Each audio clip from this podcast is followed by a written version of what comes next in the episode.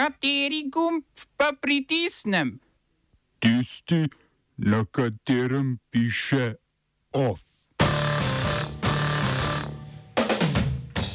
Na turških parlamentarnih volitvah zmagala Erdoganova stranka predsedniške volitve v drugi krog.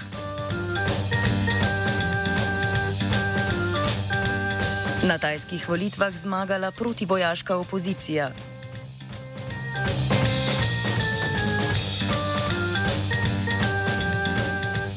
V Ukrajini je obveščevalna služba nad Firtaša, naslednjega v vrsti preganjanih tajkunov.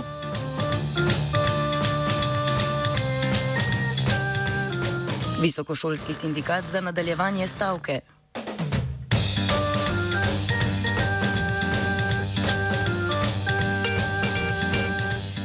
Na turških parlamentarnih volitvah slavi stranka za pravičnost in razvoj, ki je s predvolilno koalicijo osvojila večino v parlamentu. Kljub zmagi predsednikove stranke na parlamentarnih volitvah, Recep Tayyip Erdogan na predsedniških volitvah v prvem krogu ni prejel več kot polovice glasov. Prejel je več kot 49 odstotkov glasov, Kemal Kilič Daroglu, glavni protikandidat iz republikanske stranke, pa nekaj prek 45 odstotkov glasov. V drugem krogu se bosta pomerila 28. maja. Kilič Daroglu je napovedal, da bo v primeru zmage odpravil predsedniška pooblastila, ki predsedniku države omogočajo razglasitev izrednih razmer ter imenovanje in odstavljanje javnih uslužbencev. Glede na to, da v parlamentu tudi v primeru zmage na predsedniških volitvah ne bo imel večine, bo obljubo težko izpolnil. Diego Cupolo, urednik portala Turkey Recap, o zmoti predvolilnih anket, ki so napovedale zmago Kilič Darogluja.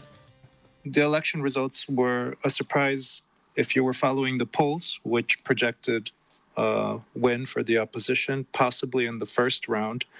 This just shows that the polling was uh, inaccurate in Turkey uh, across the board. And uh, Erdogan had a stronger performance than expected. Not just in the presidential elections, but also in the parliamentary, where his party and his ruling alliance with smaller parties uh, got the majority of the parliament. So we're looking at a possible outcome in two weeks. We will have uh, runoff elections, second round elections. The outcome that is most possible now looks like Erdogan with a majority in parliament with the, his AKP party. Več o turških volitvah v offsajdu ob petih.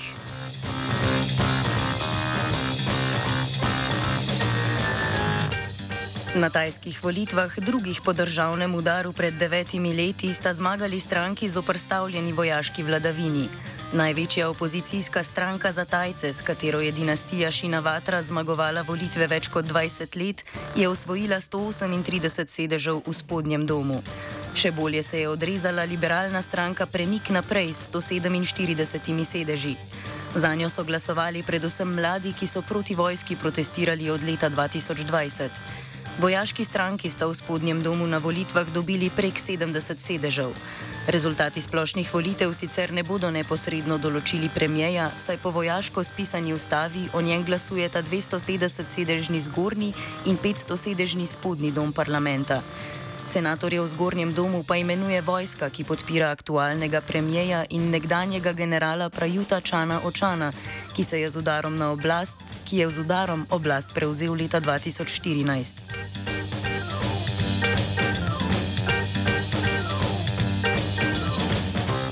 Še več volitev. V drugem krogu lokalnih volitev v moldavski regiji Gagauzija je zmagala kandidatka stranke Šor Evgenija Gutul.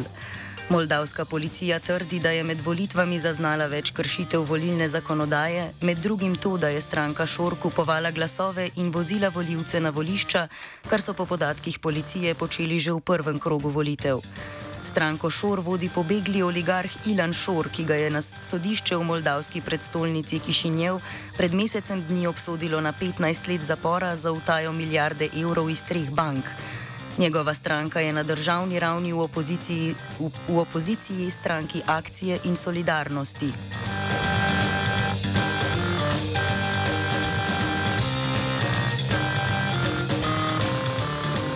Za volilni premor o pregonu oligarha prek moldavsko-ukrajinske meje.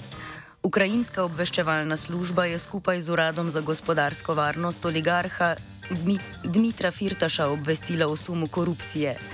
Z agenciji so sporočili, da so med letoma 2016 in 2022 odkrili poneverbo do 445 milijonov evrov pri ukrajinskem sistemu za tranzit plina.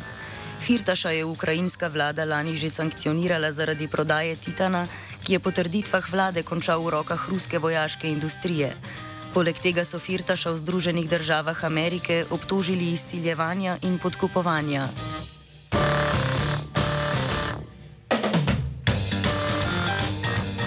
Francoski predsednik Emmanuel Macron je napovedal dodatno pošiljko več deset tisoč lahkih tankov in oklepnih vozil za ukrajinsko vojsko. Ukrajinski predsednik Volodimir Zelenski je na uradnem obisku v Parizu zaprosil tudi za vojna letala, ki pa jih Macron v novi pošiljki orožja ne bo poslal. Včeraj je nemški kancler Olaf Scholz prav tako napovedal novo pošiljko orožja Ukrajini vredno skoraj 3 milijarde evrov.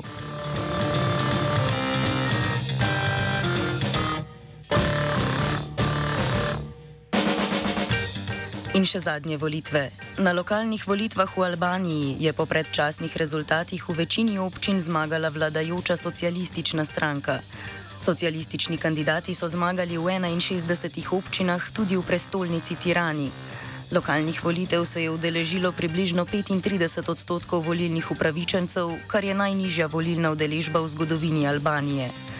Socialisti, ki jih od leta 2005 vodi premijer Edi Rama, so opozicijske kandidate premagali tudi v tradicionalnih trdnjavah opozicijske demokratske stranke, kot je mesto Skadar.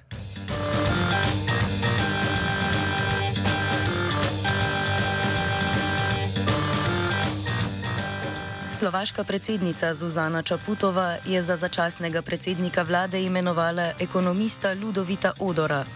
Odor bo vodil vlado do septembrskih predčasnih volitev, predtem pa je služil v upravnem odboru Slovaške centralne banke. Začasnega premijeja je predsednica imenovala po odstopu Eduarda Hegarja, ki mu je v predvolilnem kupčkanju razpadla vladna koalicija.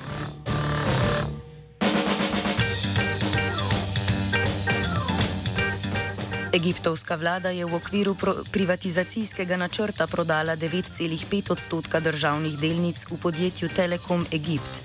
Prodaja bo zmanjšala državno last podjetja z 80 na 70 odstotkov.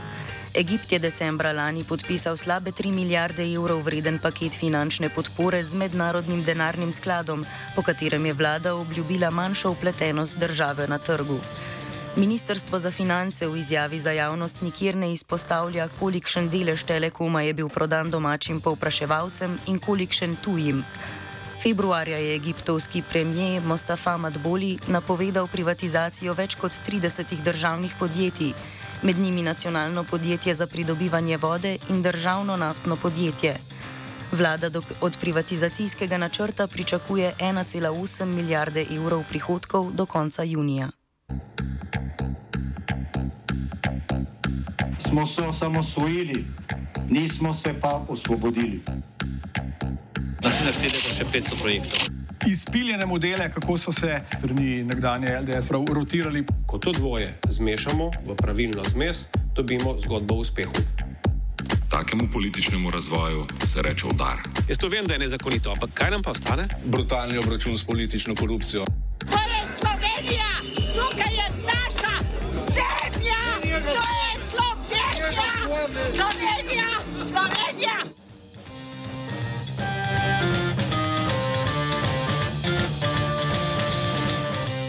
Koalicijske stranke Gibanja Svoboda, Socialni demokrati in Levica predlagajo začetek postopka razrešitve devetih članov programskega sveta radiotelevizije Slovenija.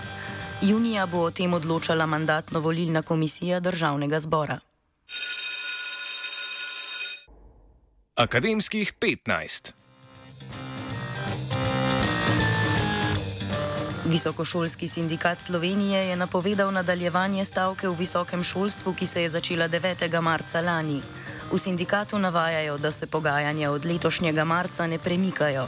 Na zadnje so 2. maja vladni strani napovedali nadaljevanje stavke in hkrati predlagali še en poskus zbližanja stališč. Do danes vsebinskega odgovora oziroma izboljšane ponudbe niso prejeli. Med drugim še vedno zahtevajo redno usklajevanje plač z inflacijo, odpravo plačnih krivic in umik predloga črtanja določb o članicah ter volitvah dekanov in rektorjev v zakonu o visokem šolstvu. Sindikat namreč zagovarja splošne in neposredne volitve dekanov in rektorjev, na katerih lahko sodelujejo tudi študentje in strokovni delavci, ki bi jih vodstvo univerz lahko s sprejetjem aktualnega predloga zakona o visokem šolstvu ukinilo. Prvi stavkovni dan bo v torek 30. maja, naslednja dva v sredo in četrtek 13. in 14. junija. Predsedstvo sindikata poziva vse zaposlene naj omenjene dni prekinejo delovne aktivnosti.